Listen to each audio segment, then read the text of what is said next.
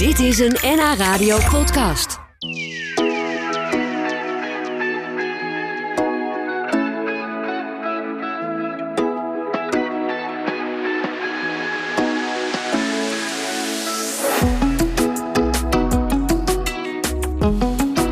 Ik ben een beetje van slag. En dat komt omdat mijn gast van vandaag Michiel Bartels is. Nou ja, die komt wel eens vaker langs. Hij is hoofd archeologie van de dienst West-Friesland, de archeologische dienst.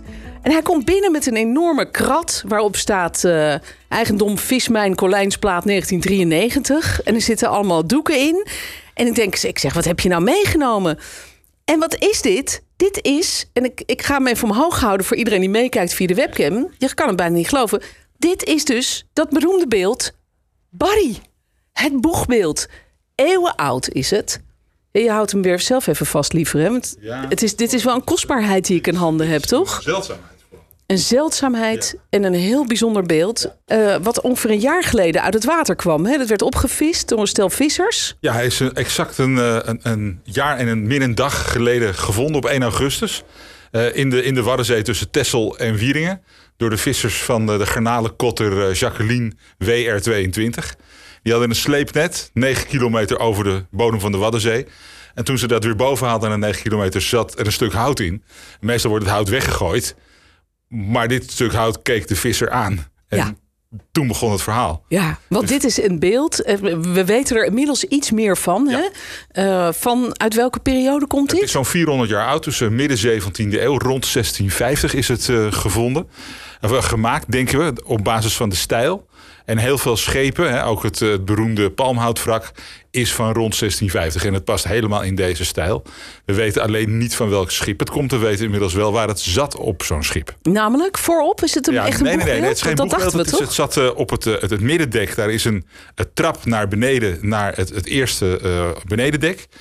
En aan de zijkanten van die trap, dus aan, buiten op het schip, zit aan weerszijden zo'n soort kop. Oh, En die koppen die zijn ja, om, om de vijand een beetje angst aan te jagen Ja, of je ja. eigen macht uit te drukken. ja, dus als die al aan boord kwamen, dan wilden ze misschien de trap oprennen en dan kwamen ze Barry tegen. Ja, of als Dan- je naar de kapiteinshut ging, dan moest je daar langs en dan wist je Ja, meteen dat je met de chef te maken kreeg. Ja, ja, ja. En deze leek dus misschien ook wel op, op, op de kapitein van dat schip. Dat weten we niet. Het is, ja, toch? Het is een beetje een, hij heeft een beetje een woeste blik. Ja, klopt. Hij heeft een beetje een platte neus. Ja. Maar hij heeft hele indringende ogen, kan ik je zeggen. Hij Want kijkt dwars door je heen. Hij kijkt dwars. door- Hij staat nu naast me. Ik vind het bijna beangstigend. En dan was hij nog beschilderd, hè? Dus Ja, de, ja. door 400 jaar verblijf op de bodem van de zee is er natuurlijk een boel gebeurd. En, en de verf, dat was nou, wit, rood, geel, blauw. De primaire kleuren waren ze beschilderd. Dat kan je op de Batavia-werf in Lelystad nog steeds zien. Oh ja. Ehm, ja, hebben er dus heel veel van dit soort ornamenten op zo'n schip gezeten. En het probleem is altijd met die ornamenten, die komen op de bodem van de zee. Daar wonen paalwormen, die zitten natuurlijk in het zoute water. En die eten alles wat van hout is op. Ja. Het voordeel van Barry is geweest dat hij onder het zand bewaard is gebleven. Daar zitten geen paalwormen. En door het gevoel van het, van het sleepnet is hij dus in het net terechtgekomen. Spatgaaf. Ja, maar, maar nou moet ik iets vragen. Want eh, ik kan me nog herinneren dat die vissers hadden hem bewaard eh, tijdens hun dagen nog op zee. Want ze moesten nog een paar dagen Ja. varen. Hij zat in een ton met eh, zout water. Zo van, nou, dan blijft hij nog even goed. Ja. Toen kwamen ze terug. Toen stonden er media van over de hele wereld met cameraploegen klaar om Barry te filmen, zo ongeveer. Eh, maar daarna moest hij gelijk eh, in een beschermende klimaatkamers en weet ik veel wat. Want werd er toen gezegd. Als hij eenmaal de zee uitkomt, dan, dan, dan gaat hij heel snel wegrotten. Want eh, dan is hij, wordt hij aan de lucht blootgesteld. Dus hoe kan het dat hij nu gewoon hier in mijn studio kan staan? Nou, Barry is eh gevriesdroogd. Die is een vriesdroogapparaat ingegaan. Dus dan is hij, Oh. wordt hij heel koud. Eh, er is 5 liter zeewater uitgegaan. Want zout en water is niet goed voor hout. Dan gaat het rotten. Daarom is hij zo licht ook. Ja, ja kijk, hij krijgt nu weer een beetje het gewicht van het normale hout. En daarbij is een soort plastic polyethyleenglykol bijgekomen om, om hem goed te houden, dat de houtcellen niet Oh. instorten. En vervolgens is hij ingesmeerd met een laagje natuurlijke lijnolie. En dan zou hij het een hele tijd moeten redden. Maar succes is niet gegarandeerd. Want Ja. ja. het is een natuurproduct. Hij is uit een soort shock van de, water, van de waterbodem gekomen. En als hij geclimatiseerd wordt tentoongesteld, dan houdt hij het nog wel een hele tijd vol. Ik vind het geweldig dat je me hebt meegenomen. Ik vind het echt een hele leuke verrassing. Ik ga er even op tikken. Even, dan kunnen de luisteraars... Ja, heel zachtjes hoor. Oh ja, dat hoor je bijna niet. Nee, dat, Ja, dat is wel- dat is bijna niet te horen. Maar hij is gevriesdroogd en wel staat hij naast me het boegbeeld Barry. En eh, zo dadelijk dan horen we daar nog meer over natuurlijk. Het, het was wel een eh, bizar jaar voor jou ook, toch? Als, eh, als archeoloog. Wel genieten. Het is ik. absoluut genieten. Ja, nee, kijk, Ja. het is een mooi vak. Eh, eh, stevig aanpoten en vooral de verrassingsvondsten. Hè, dat je niet weet wat je gaat vinden. Dat is het mooiste wat er is. Daar gaat het allemaal om, toch? Als eh, archeoloog zijnde wil je dat meemaken. Nou, hier ben je van heel dichtbij bij geweest. En je hebt Barry gewoon nu net meegenomen naar de studio. Ik vind het eh, echt een geweldig leuke verrassing. Eh, er is wel wat boven gekomen, kun je zeggen. We gaan het straks hebben over de, de schatten van Hoogwoud eh, en nog veel meer. Maar hij kwam hier net de studio binnen met een heel bijzondere schat. Dat is namelijk het boegbeeld Buddy. Een houten boegbeeld van een schip dat ergens in de 17e eeuw waarschijnlijk gezonken is voor de kust van Texel. En dat eh, beeld heeft al die eeuwen onder water gelegen totdat dat een jaar geleden werd opgevist door een stel Wieringer vissers. Die dachten eerst we gooien het weg, maar dachten toen die ogen, het is echt een beeld, wat is dit? En dat bleek dus een boegbeeld te zijn. Hij staat hier nu en ik zit nu eigenlijk recht tegenover hem, Michiel. En ik vind dat hij een behoorlijk indringende blik heeft. Nou, dat mag je zeggen, ja. Het is duidelijk een, serieuze zaak. Het is eh, het, aan boord van 17e eeuwse, 18e eeuwse schepen is natuurlijk heel veel scheepsornamentiek. Eh, krullen, eh, fruit, engeltjes, eh zeemeerminnen, noem maar op. Maar ook hè, de beelden om, om de vijand te imponeren of schrik aan te jagen. En hier kon je duidelijk zien dat eh, deze meneer niet komt voor een gezellig gesprek. Maar Nee. dit is een eh, Ja. serieuze zaak. Ja, het ook zo'n grappig mutsje op. Daar, daar kan ik me herinneren dat daar ook iets bijzonders mee was. Ja, wij denken dat het een Frigische muts is. Dat is uit de, uit de Griekse klassieke oudheid. En dat is eigenlijk een muts van de, de rebellen die in opstand komen tegen hun onderdrukkers. En ja, als dit beeld uit het midden van de 17e eeuw komt, zitten we dus aan het eind van een hele lange oorlog met Spanje, die door de Nederlanders wordt gewonnen en waar ook die vrijheid wordt eh, verkregen. Maar als je naar de Franse Revolutie kijkt, dan zie je ook dat eh, die Franse revolutionairen zo'n Frigische muts hebben en dat als symbool voor hun onafhankelijkheid gebruiken. Ah, ja, ja. Dus dit was echt een, een, een symbolisch mutsje eigenlijk. zeker. Ja, ja en nou, nu is het, eh, zullen mensen denken, nou ja, dan staat er zo'n beeld in de studio. Maar dat is toch wel heel bijzonder. Want dit beeld kwam dus uit het water, moest toen heel speciaal geconserveerd worden. Want de angst was natuurlijk als hij dan hè, uit dat beschermende zandlaagje uit het zoute water zou komen, dat hij heel snel zou vergaan. En je zei net, hij is Dus dat betekent dat hij gewoon in een diepvries is gelegd? Ja, een hele speciale diepvries die heel langzaam eh, het water eruit trekt. En dat vervangt door een soort plastic, zodat de houtcellen wel intact blijven en het beeld niet instort. Maar als er zout in het beeld blijft zitten, zout trekt water aan, dan gaat het zeker rotten. Dus het heeft maanden in de vriesdroog gezeten. En na een maand of vier, vijf was het zover dat hij eruit kon. Daarna is hij geïmpregneerd met lijnolie. En dan zou hij het een hele tijd vol moeten kunnen houden, mits die onder geconditioneerde omstandigheden wordt bewaard. Dus hier in de studio is het niet goed. Nee, hij mag niet blijven. Nee, hij mag niet blijven. Hij gaat straks gewoon weer de klimaatruimte in. Ja. En dan, eh, dan blijft hij eh, ja, hopelijk nog eh, 10, 20 jaar goed. Ja, en wanneer kan het publiek hem gaan bekijken? Want ik ben nu een van de eerste, zeg maar, buiten het onderzoeksteam en, en jou, die hem zo eh, recht in de ogen kan kijken. Maar, maar wanneer kan de rest van Noord-Holland hem gaan bewonderen? Ja en dat, waar? gaat, ja, dat gaat binnenkort gebeuren. Want eh, in Den Hoever op Wieringen is eh, binnenkort het havenfeest, de Flora en eh, de, de visserijdagen. En op 1 september eh, is die in de havenboet, in de haven van eh, Den Hoever te zien. En wordt die in de havenboet tentoongesteld. Ja, Voor zolang als het, als het duurt. Dus Ja. niet alleen dan, maar voor de komende jaren. oh, dat is mooi zeg. Ja, en dat, dat beeld is natuurlijk eigenlijk van die vissers. Hè? Wat vinden zij ervan, hoe die er nu uitziet en, en hoe licht die is geworden? Nou, die vissers zijn natuurlijk destijds compleet overdonderd door de vondst en door de media-aandacht. Maar ook wat er allemaal bij komt kijken. Het is hun eigendom.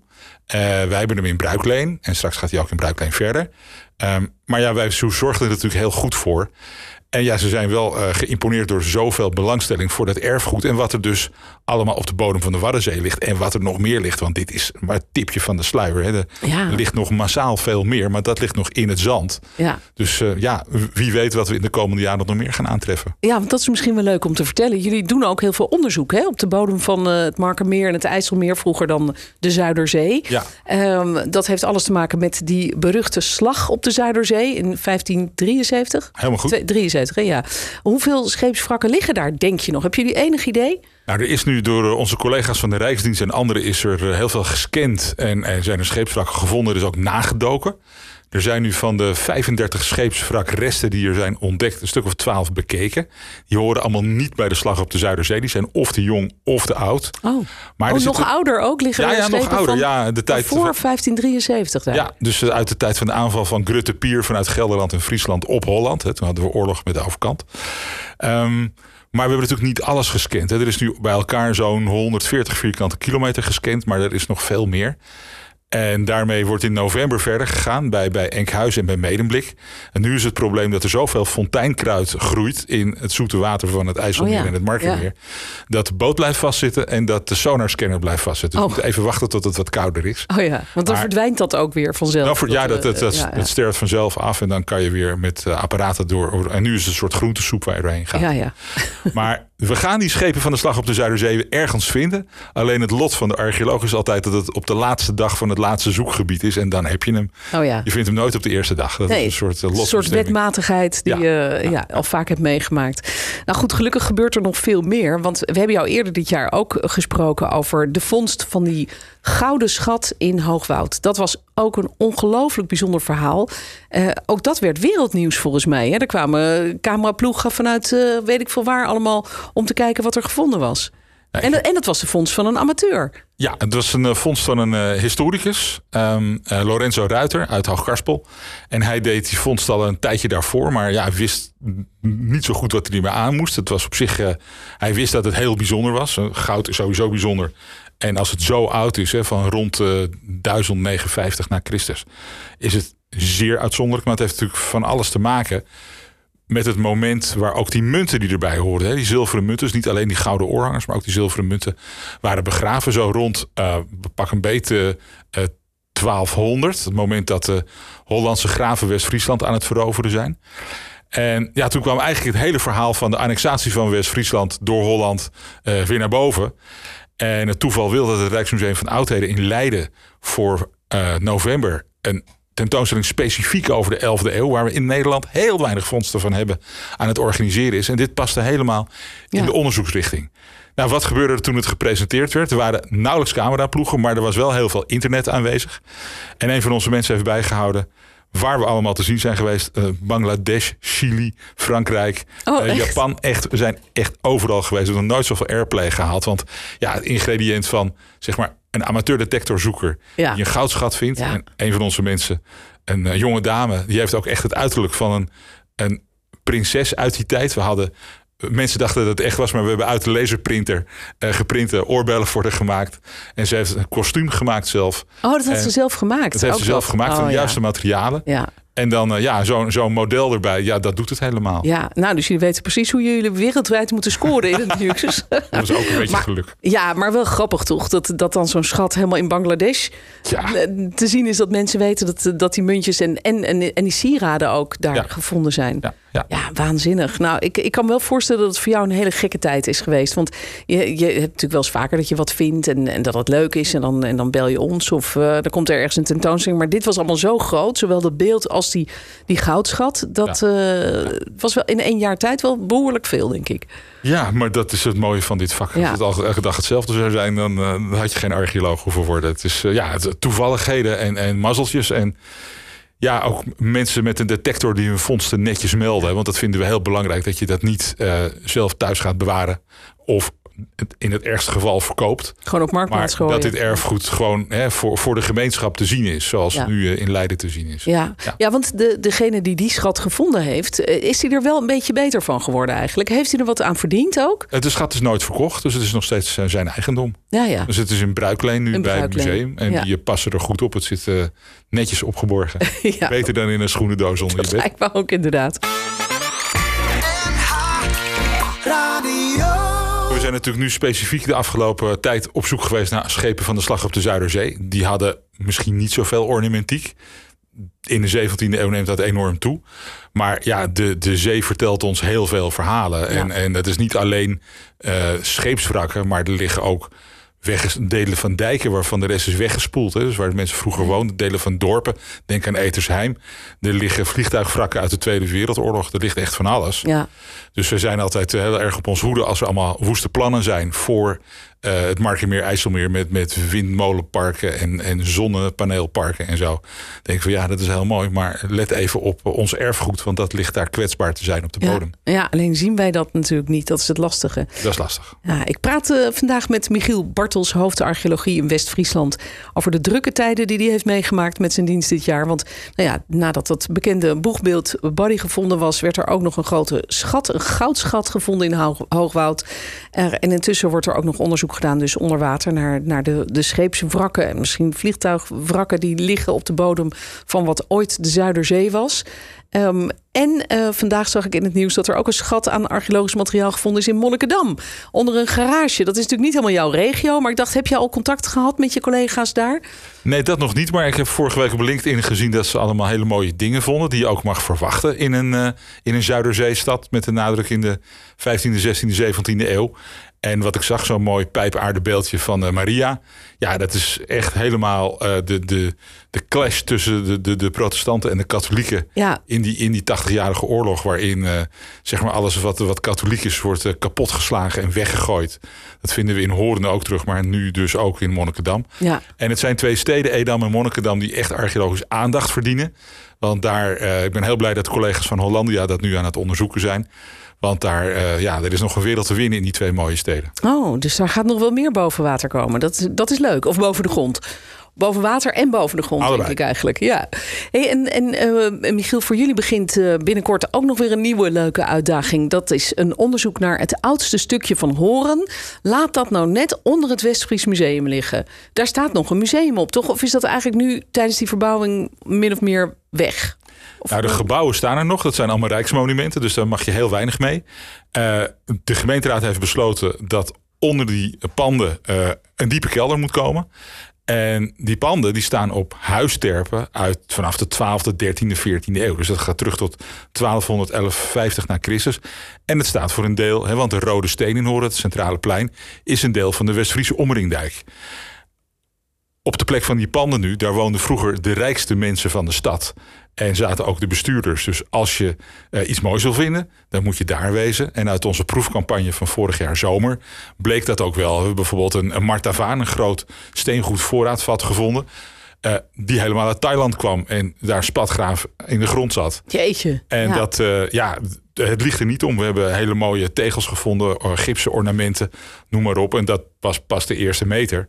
En we moeten nog een heel stuk naar beneden. Maar dat gaat, denk ik, als het er nu uitziet vanaf februari gebeuren. Oh, oké. Okay. Niet in de zomer. Nee. Uh, terwijl je eigenlijk zou denken, in de zomer kun je dus ook niet in het water, want dan zit daar dat fonteinkruid. Ja. Dus uh, ik zou denken, dat doe je de opgravingen in de, in de grond doe je in de zomer en in de winter doe je in, het, in het dat, water. Dat, dat, zou mooi zijn, maar ja, wij gaan natuurlijk met de bouw mee. Dus we gaan nooit oh, alleen ja. voorop. Het zit in een heel lang ja. proces. Ja. En want eerst moeten de panden stabiel gemaakt worden, want ze scheuren op dit moment. En daarom moet er wat aan gebeuren.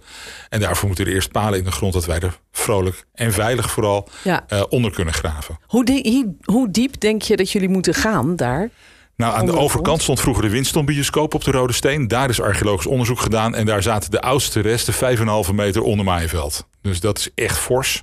En als de kelders zo diep worden, en dat ziet er wel naar uit, dan, ja, dan vinden we daar de alleroudste resten. Wauw. Ja. Heb je er zin in? Ja, archeologisch gezien is Maar? het fantastisch. Maar organisatorisch en qua veiligheid is het opletten. Maar er zijn Qua veiligheid, omdat, hoe bedoel je, omdat er iets kan instorten? Of? Nou, het is natuurlijk heel diep. Hè? En je werkt in kleine ruimtes met, met veel materieel. Het is uh, lawaaiig. Uh, dus ja, het is, het, is, het is risicovol. Ja. Maar goed, we zijn er allemaal voor getraind. We hebben professionele collega's. En ik hoe denk ben jij getraind op de veiligheid? Eh. Nou, we hebben allemaal uh, een VCA-cursus gedaan. Misschien zegt dat de mensen niks, maar dat is cursus veilig werken. Er wordt meestal elke ochtend bij dit soort projecten een, een drill gedaan in de, in de kate. Van hè, we gaan dit doen, let daar en daarop. Als er fouten worden gemaakt, dan spreken we elkaar daarop aan. En dan wordt dat hersteld. En we zitten ook in het werk tussen, uh, van de dijkversterking. Hè, tussen, tussen Horen en, en Amsterdam. En daar staat veiligheid compleet voorop. No injuries, no accidents. En dat is het adagium. Ja, lijkt me ook. Nou, een uh, mooie klus om, uh, om weer aan te beginnen. Dus in het najaar. Of, uh, of eigenlijk later nog. In, in, in de winter ergens. In de winter. Ja, ja. Ga je eigenlijk ook nog op vakantie? En ga je dan naar landen waar leuke archeologische opgravingen zijn? Wordt mij gevraagd door een luisteraar. Um, ja, ik, ik, ben in juni in, in Frankrijk geweest. In Atlantisch Frankrijk. en daar zijn we naar Brouage geweest. Brouage is een heel klein vestingstadje à la Naarden of Elburg. En dat is de plek waar de Westfriese en Hollandse zoutvaarders Aha. zout haalden om hier de haring in te zouten. Oh, en als je daar nu bent, dan zie je die zoutpannen nog. Alleen die worden heel vervelend gebruikt om oesters te kweken. Oh, dus het is nu... Uh, wat een ellende. Uh, vreselijk, ja. Dus het is een enorme oesterkwekerij. en zo doe je op je vakantie al door een stuk erfgoed. Ja. Want er waren heel veel contacten met Atlantisch Frankrijk. Ja. Ook om de goede wijnen natuurlijk daar. Nou, uiteraard, ja. Nou, wat, uh, wat leuk om allemaal van je te horen, Michiel. Fijn dat je even bij ons was. Michiel Bartels hoorde je. En dan ga je weer weg met Barry natuurlijk. Dan gaat hij weer eens een kistje. Het is niet anders. En dan achter slot en grendel in de koelte uh, en zonder belichting. Ja, en dan wordt hij in het najaar getoond op de Flora Visserijdagen in uh, Den Oever. Daar kunnen we allemaal gaan kijken. Dan staat hij daar uh, ja, te shinen eigenlijk, kun je wel zeggen, toch? Zo is dat. Ja, dat gaat gebeuren. Superleuk. Nou, dankjewel dat je er was. En, en heel veel succes met alles wat, je, wat je gaat doen weer de komende tijd. Dankjewel, Patricia. Dit was een NH Radio podcast. Voor meer, ga naar nhradio.nl NH Radio